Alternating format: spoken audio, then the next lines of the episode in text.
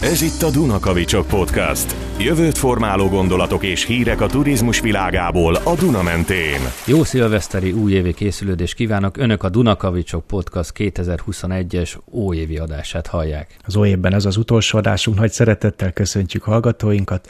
A mikrofonoknál így évvégén is, ahogy azt már évközben megszokhatták. Nagyszász István Budapestről. És Kovács Balázs vagyok, Bécsből jelentkezem. A, ugye a legutóbbi adásunkat a Bendis együttes jó hangulatú, jövőbe mutató dalával zártuk, belehallgathattuk segítségükkel, hogy mi fog történni velünk. És ez nagyon jó hangulatúnak tűnt, úgyhogy én a mai napig itt optimistán vagyok, itt cseng még a fülembe, és optimistán tekintünk a jövőbe, és éppen ezért ezen fölbuzdulva Istvánnal arra gondoltunk, hogy a mostani adásunk hallgatói sem maradjanak zenei csemege nélkül. Kvázi zárásként egy exkluzív, meglepetés előzetesen jelentkezünk a Bécsi Filharmonikusok újévi koncertjéről.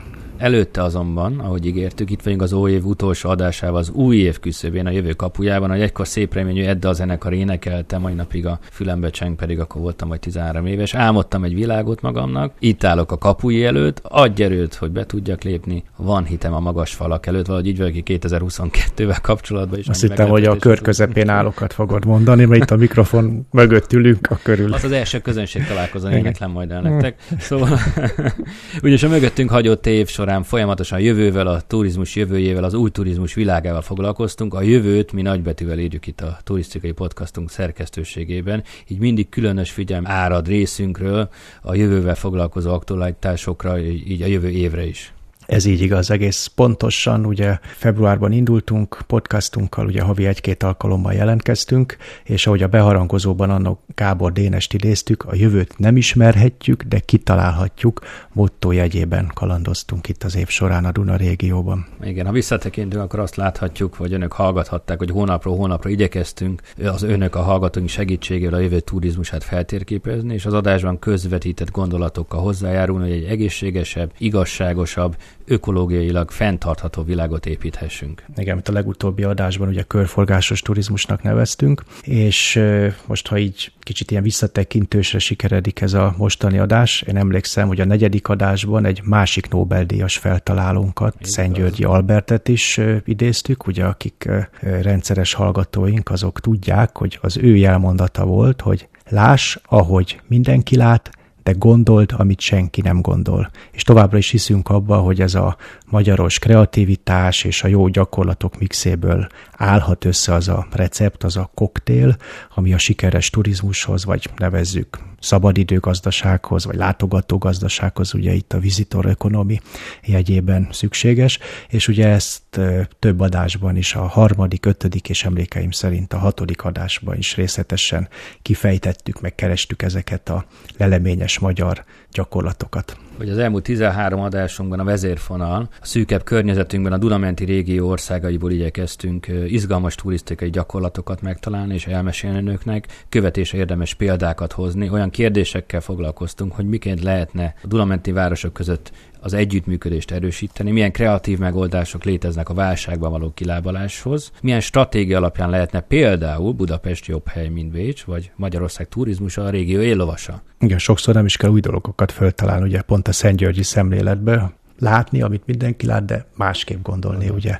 Igen. Ennek a jegyébe próbáltuk megvizsgálni a lehetőségeket, ahogy tettük ezt a hetedik, nyolcadik epizódokban, ott ugye avval foglalkoztunk, hogy miként határozzák meg a digitalizációs eljárások során birtokunkba jutott adatok a turizmus fejlesztését, hallgatóink emlékezhetnek, hogy itt az adat vezérelt, adat optimalizált turizmus menedzsment kérdéseivel foglalkozunk. Megnéztük azt is, hogy mit gondolnak erről más országok turisztikai szervezeteinek vezetői. Aztán hoztunk olyan témákat, mint a neuromarketing, miért fontos elsajátítani ezeket az eljárásokat, mindezekkel a példákkal. Ugye a 12. adásban is foglalkoztunk például az agykutatás és a magatartás tudomány területéről átsolgó információ információk hogyan hasznosulhatnak a szűkebb szakmánk a turizmus területén. Arról is beszélgettünk múltkor adásunkban, hogy milyen szerepük lesz az utazási irodáknak a jövőben. Lesznek egyáltalán még utazási irodák? Mit jelent a körforgásos turizmus, és milyen lehetőségek vannak már most is, hogy utazásaink során csökkentsük ökológiai lábnyomunkat. Megtudhatjuk például azt is, hogy miként lehetséges szélenergiával hajtani a vonatokat, elsőre furának tűnik, de Ausztriában megoldották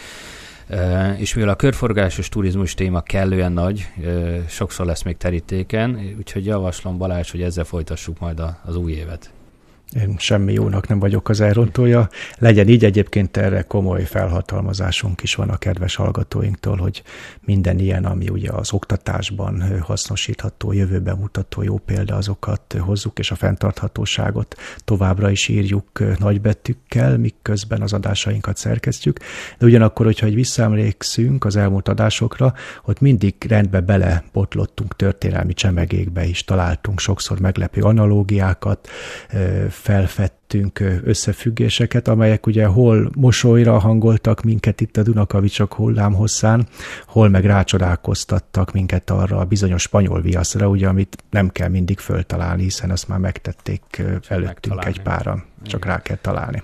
Ha visszaugrunk a második adásunkra valamikor ott februárban, ott megtudhatták például, hogy milyen példamutató szakmai összefogás során épült fel Budapest legmagasabb pontján az Erzsébet kilátó, vagy hogy kiről nevezték le a Rákóczi túrost, honnan származik a dobostorta eredeti receptje, hogy csak a... Ja, igen, emlékszem azt. Említsük hosszasan ecsetelted a receptet, Igen. a nyílt forráskódját.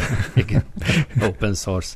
Okay. Hogyha elszalasztották volna ezeket az adásokat, vagy lemaladtak volna valamelyik sikerre vezető receptről, akkor természetesen most itt év vége felé járva is ajánljuk figyelmükbe az eddig, hát most már imáron 13 plusz egy epizódoknak a meghallgatását, visszahallgatását, remélhetőleg az ünnepek közötti, remélhetőleg nyugodtabb időszakban lesz, lesz erre alkalmuk. Az lesz. És emlékszel Balázs, hogy a tizedik jubileumi adásunkat kicsit érdekesebb, második. Igaz, egy ünnepi adás volt. Igen, igen. Bevontuk a Dunakavicsok közösségét, önöket hallgatókat. Nem magunkat ünnepeltük, ezt ugye hozzá kell tenni, hanem a közösségünket hagytuk önöket beszélni, rengeteg tippet kaptunk, így jövőre hamarosan újra találkozunk majd az étterre, bárhol is hallgassanak minket. Ha további ötleteik, javaslataik támadnak, vagy szívesen osztanák meg akár a műsor vendégeként is gondolataikat, kérjük jelezzék felünk a podcast kukac dunakavicsok.hu e-mail címen, mert ahogy emlékeznek, rendszeresen vendégeket is hívunk az adásba, így volt már vendégünk Svájcból, Pozsonyból, Németországból, és természetesen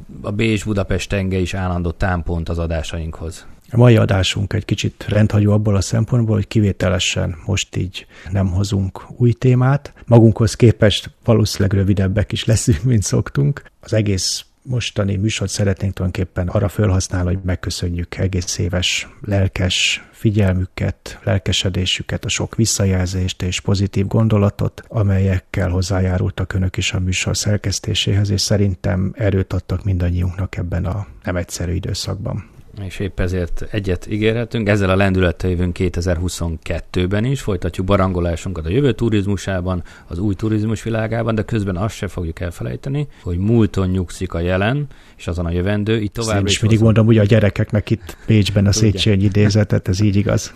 Úgyhogy fogunk hozni továbbra is történelmi csemegéket, ropogtatni valókat, amelyek ugye más világításba tudják helyezni a jelen kihívásait és problémáit. A hűséges hallgatók például emlékezhetnek a 11. adásra, amikor a 1938-as kettő szent évről és annak hatásairól az idegenforgalomra beszélgettünk, illetve a mostani koronavírus sújtotta időszak között találtunk számos történelmi párhuzamot, nagyon sok tippet, kreatív ötletet, hogy miként lehet a nehézséget kezelni.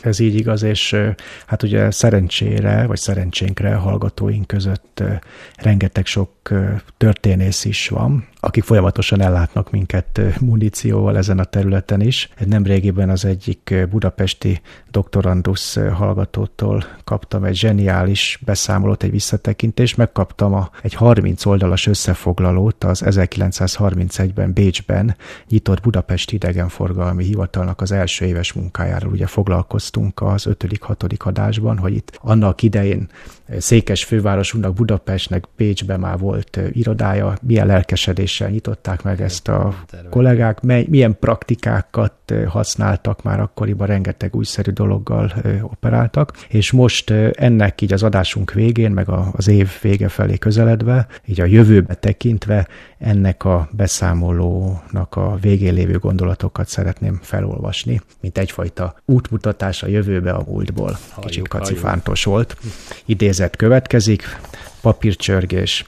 Bécsi irodánk 1932-es tevékenységéről szóló jelentésünket bizalommal és megnyugvással tárjuk mindazok elé, akik a magyar idegenforgalom nemzeti és gazdasági szempontjából egyaránt fontos problémái iránt érdeklődnek, mert az itt vázolt eredmények tudatával hittel és várakozással tekinthetünk a magyar idegenforgalom szebb jövője felé, Jaj, írta szép. a hallgatóink által már ismert Kovácsvázi Vilmos tanácsnok, székes fővárosunk városgazdasági és idegenforgalmi ügyosztályának akkori vezetője 1932-ben. Ugye szép gondolatok, ugye nekik ott volt a világgazdasági válság, ott volt a Matuska szilveszter merénylete, ha már itt a szilveszter felé közeledve egy szilveszter legyen a, az évvégi adásunkban, tehát ugye mai napig is, hogyha minden nap bombát robbantanánk, talán nem lenne akkora baj a világban, mint amit ez a koronavírus járvány okoz, tehát rengeteg sok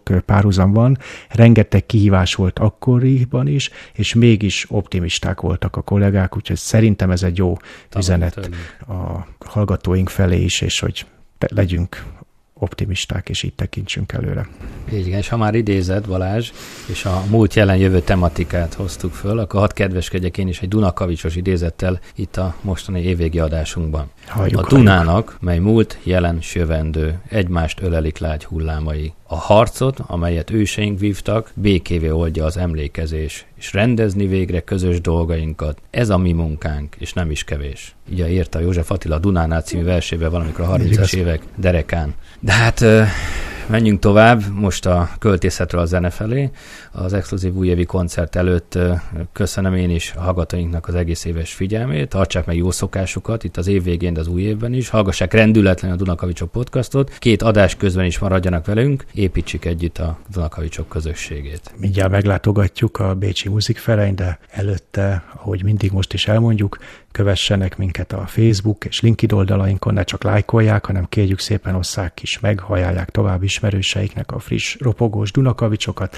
Ahogy mondani szoktuk, dobáljuk együtt a köveket, sziklákat, kavicsokat a Duna mentén a vízbe, keltsünk minél több hullámot, gondolatébresztő hullámokat, cseréljük ki gondolatainkat a jövő turizmusával kapcsolatban. Hát igen, ez volt mára, és nem csak mára, hanem a 2021 és a Dunakavicsok podcast rapid változata. Erre az évre elköszönünk, de hamarosan újra halljuk egymást hát a, az idő az nagyon gyorsan megy, ugye január-február itt a nyár, szoktunk viccelődni, úgyhogy biztos, hogy hamarosan találkozunk, mindjárt itt van 2022, de előtte még egy kis zenei csemege, ahogy ígértük az adásban már többször is.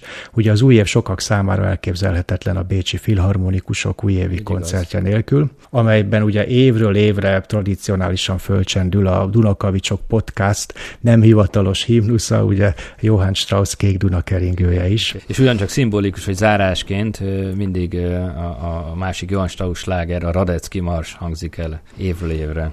Mikor ugye visszatapsolják a hallgatók a filharmonikusokat, és már halljuk is fölcsendülni, a ugye a híres rigmusokat és taktusokat, mint hogyha ott lennénk a próbán, a főpróbán, és hallgatjuk Istvánnal, milyen lesz a újévi koncert. koncert. Strauss Dunakeringő nem lesz benne, megnéztem a programot. Radecki minden valószínűséggel, mikor majd visszatapsolják. Egyébként idén is Daniel Barenboim, híres, világhírű zongorista, dirigens fogja vezényelni a bécsi filharmonikusokat aki most már harmadik alkalommal jár itt, hogyha jól emlékszem, az hmm. elmúlt másfél évtizedben, 2009-ben, 14-ben is ő vezényelte a Muzikferein aranytermében a zenekart, és így lesz ez a 22. január 1 koncerttel is. Balázs, erre a dallamra akkor emeljük virtuálisan poharainkat. Ilyenkor sajnálom, hogy a podcast egy akusztikai műfaj, mert nyújtom István Én felé nyújtom. a kamerába virtuálisan a porunkat, és ez valahol, és összeért. Igen. Itt hihetetlen. Úgyhogy és köszönjük szépen a figyelmet mindenkinek, nagyon szép optimizmusra okot adó új évet. Prosit! Na jár! Na jár! Lengyel kollégám még hozzá szokta tenni, hogy prostitunt profit. E gondolatok jegyébe minden szépet és jót, hamarosan találkozunk.